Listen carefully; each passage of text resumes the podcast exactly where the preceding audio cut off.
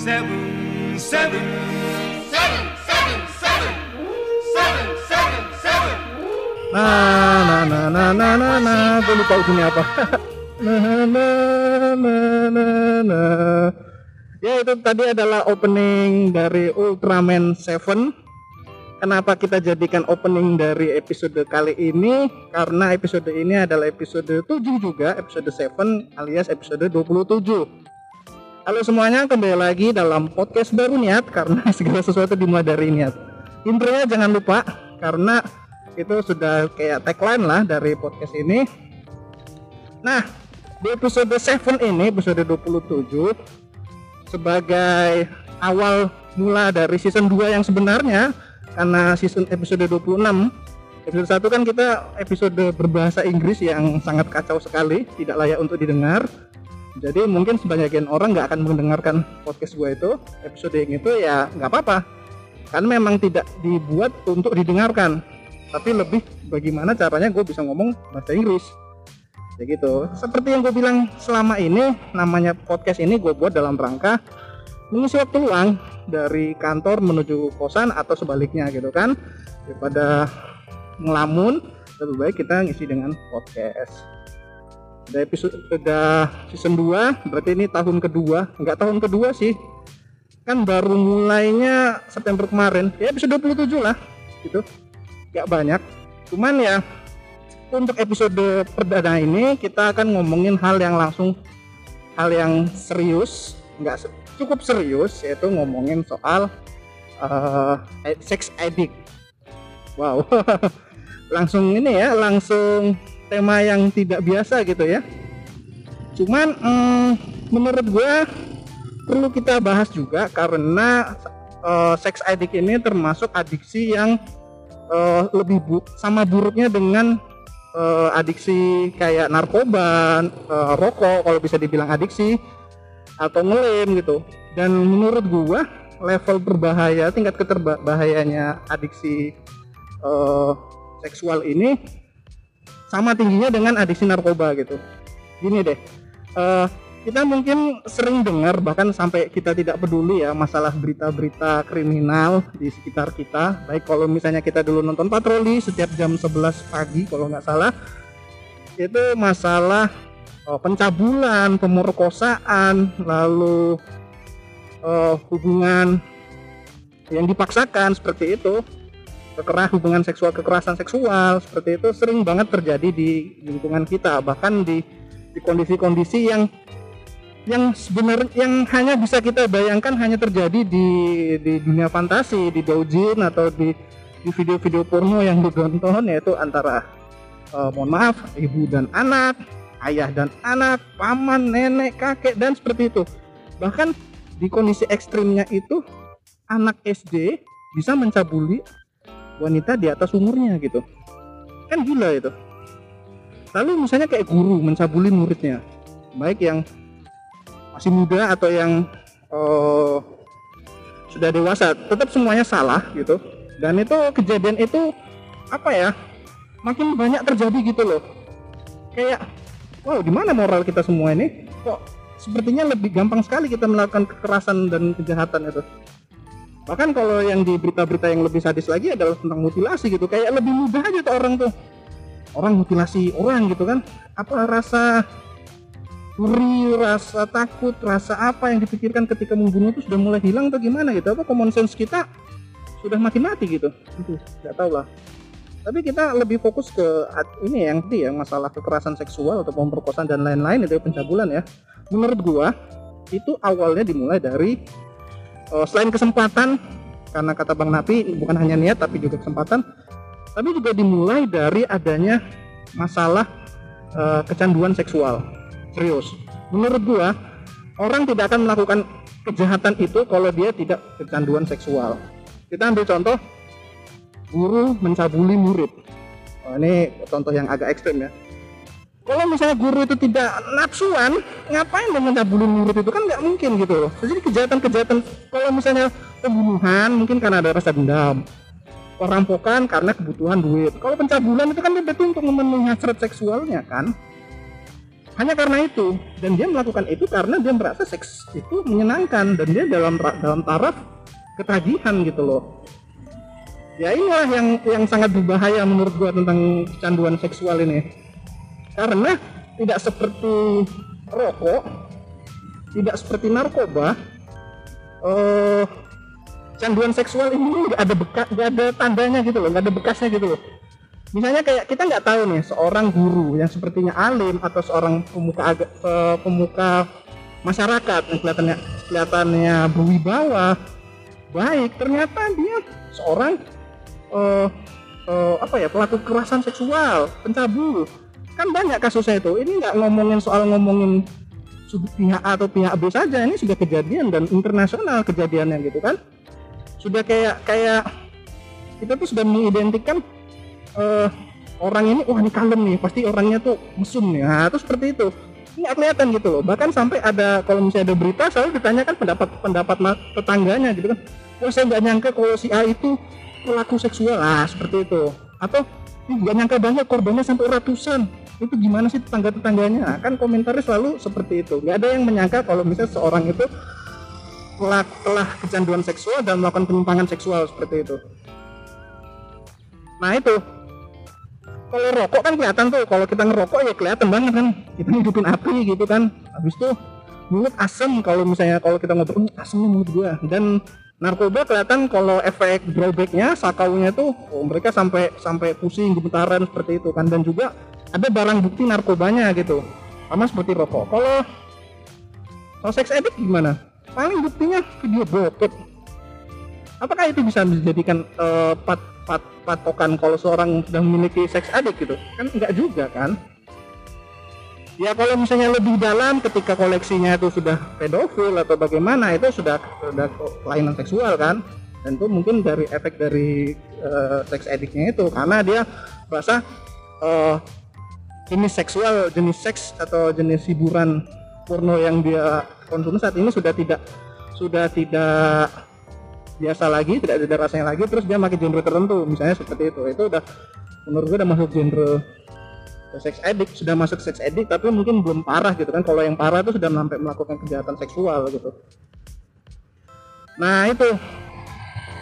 Karena tidak ada bekasnya tadi itulah makanya gue bilang sex addict ini cukup berbahaya. Dan ini mungkin uh, belum sampai kita aware mungkin di, di negara kita lah negara kita atau lingkungan sekitar gue lah istilahnya tuh masalah tentang kejahatan atau bahaya tentang seks addict ini belum terlalu di di apa ya dijelaskan atau di ditanggulangi sama kita gitu kan.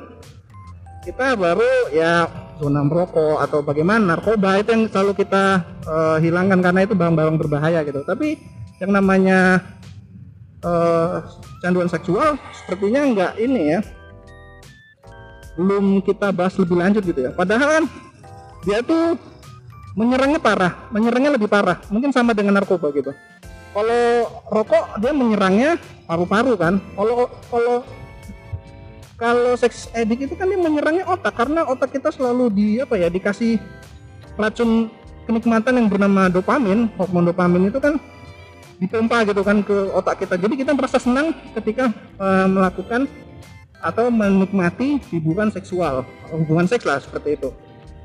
Dan itu bisa membuat apa ya e, merusak pikiran membuat daya ingat menjadi rendah gitu-gitu.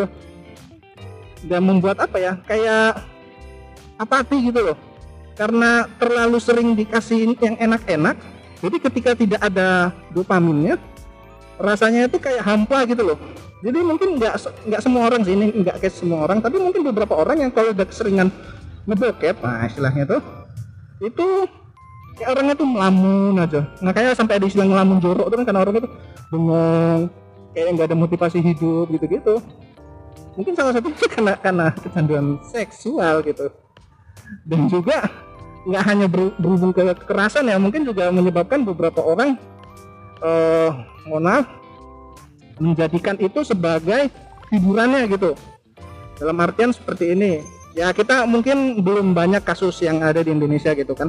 Tapi ada juga kan e, pelaku kejahatan seksual itu dilakukan oleh wanita gitu Nah itu sama aja menurut gua dia tuh juga kecanduan seksual gitu loh. Bahkan ketika uh, dia ada melakukan hal yang buruk gitu kan kayak sama kayak mencabuli murid uh, itu juga salah itu. Cuman karena di Indonesia adalah negara uh, dengan banyak laki dalam artian ya otak bokepnya laki itu lebih jalan, kita tuh melihat kalau melihat atau mendengar berita kalau tentang seorang guru wanita mencabuli muridnya. Wah, gila loh, Bu.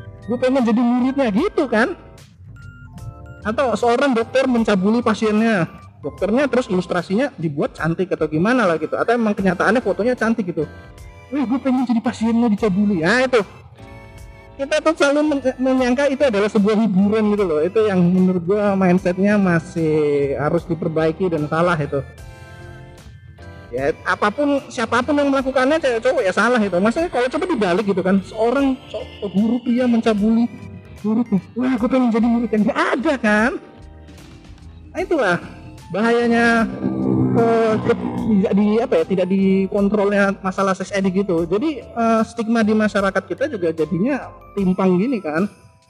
Dan memang kalau menurut gua sudah dari saat inilah kita sebaiknya udah mulai aware tentang adanya bahaya adiksi tentang seksual.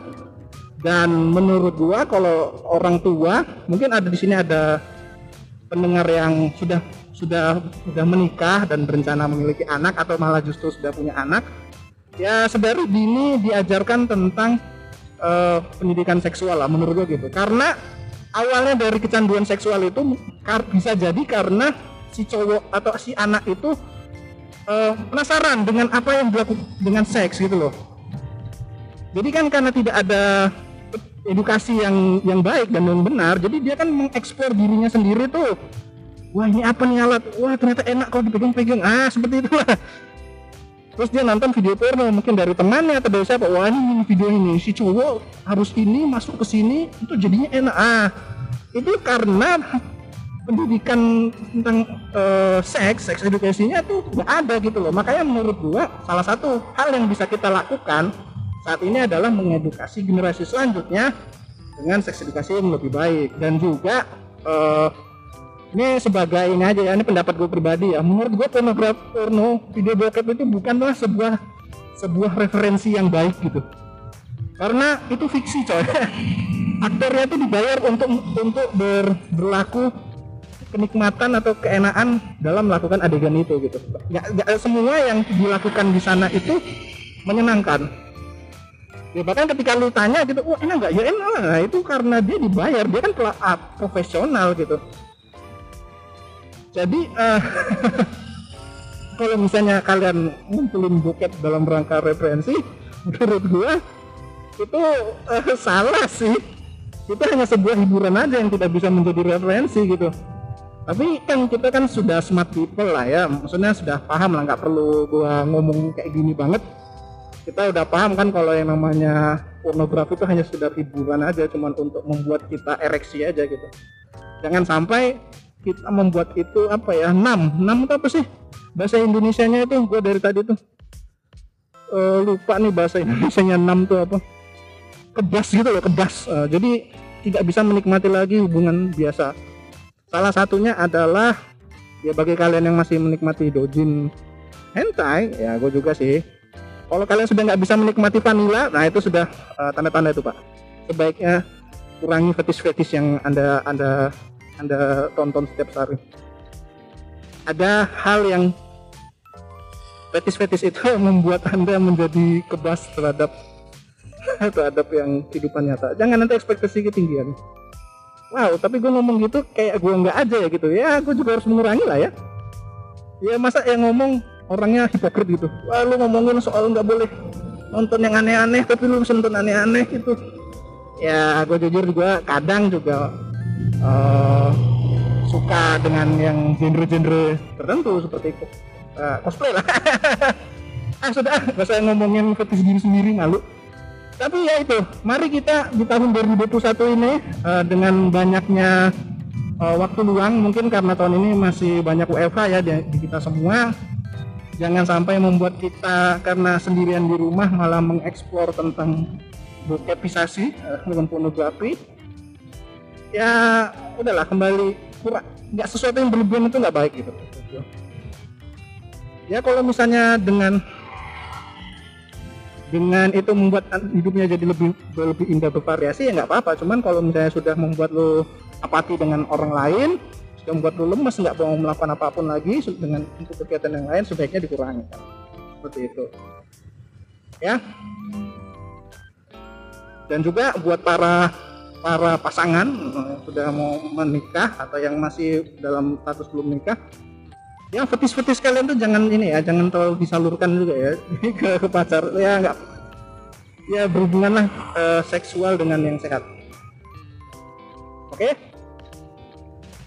uh, mungkin sekian dulu podcast gue kali ini. Ini podcast yang menurut gue agak sensitif dan mungkin nggak bu nggak tahu nih kena tag kena tag sensor gak nih kalau di di Spotify. Mungkin nanti ada ininya ada rating 18 nya ya karena ngomong soal seks kan? Jadi itu dulu yang bisa gua sampaikan kali ini. Thanks buat yang sudah dengerin. Nanti di episode 28 kita ngomongin soal kalau nggak ngomong soal makan kita ngomong soal Yugi lagi kali ya. Karena itu juga lama juga udah lama banget gue nggak ngomong soal Yugi kan? Uh, hobi Yugi kok tapi nggak pernah ngomong Yugi gitu. Oke dah bertele-tele ada endingnya. Oh iya kalau kalian sadar ini nggak ada suara ininya lagi ya. Sudah nggak ada suara motornya lagi atau mobil bising lagi ya. Meskipun ada dikit lah bocor-bocor. Karena gue baru menemukan bagaimana cara yang menghilangkan noise dari dari sebuah rekaman menggunakan Adobe, Adobe Audition. Mungkin nanti ada podcastnya kali ya. Atau nanti gue kasih linknya aja deh yang uh, video yang gue pakai untuk ngajarin gue itu. Oke sekian dulu sekali lagi gua Santoso dari podcast Baru Niat. Sampai jumpa.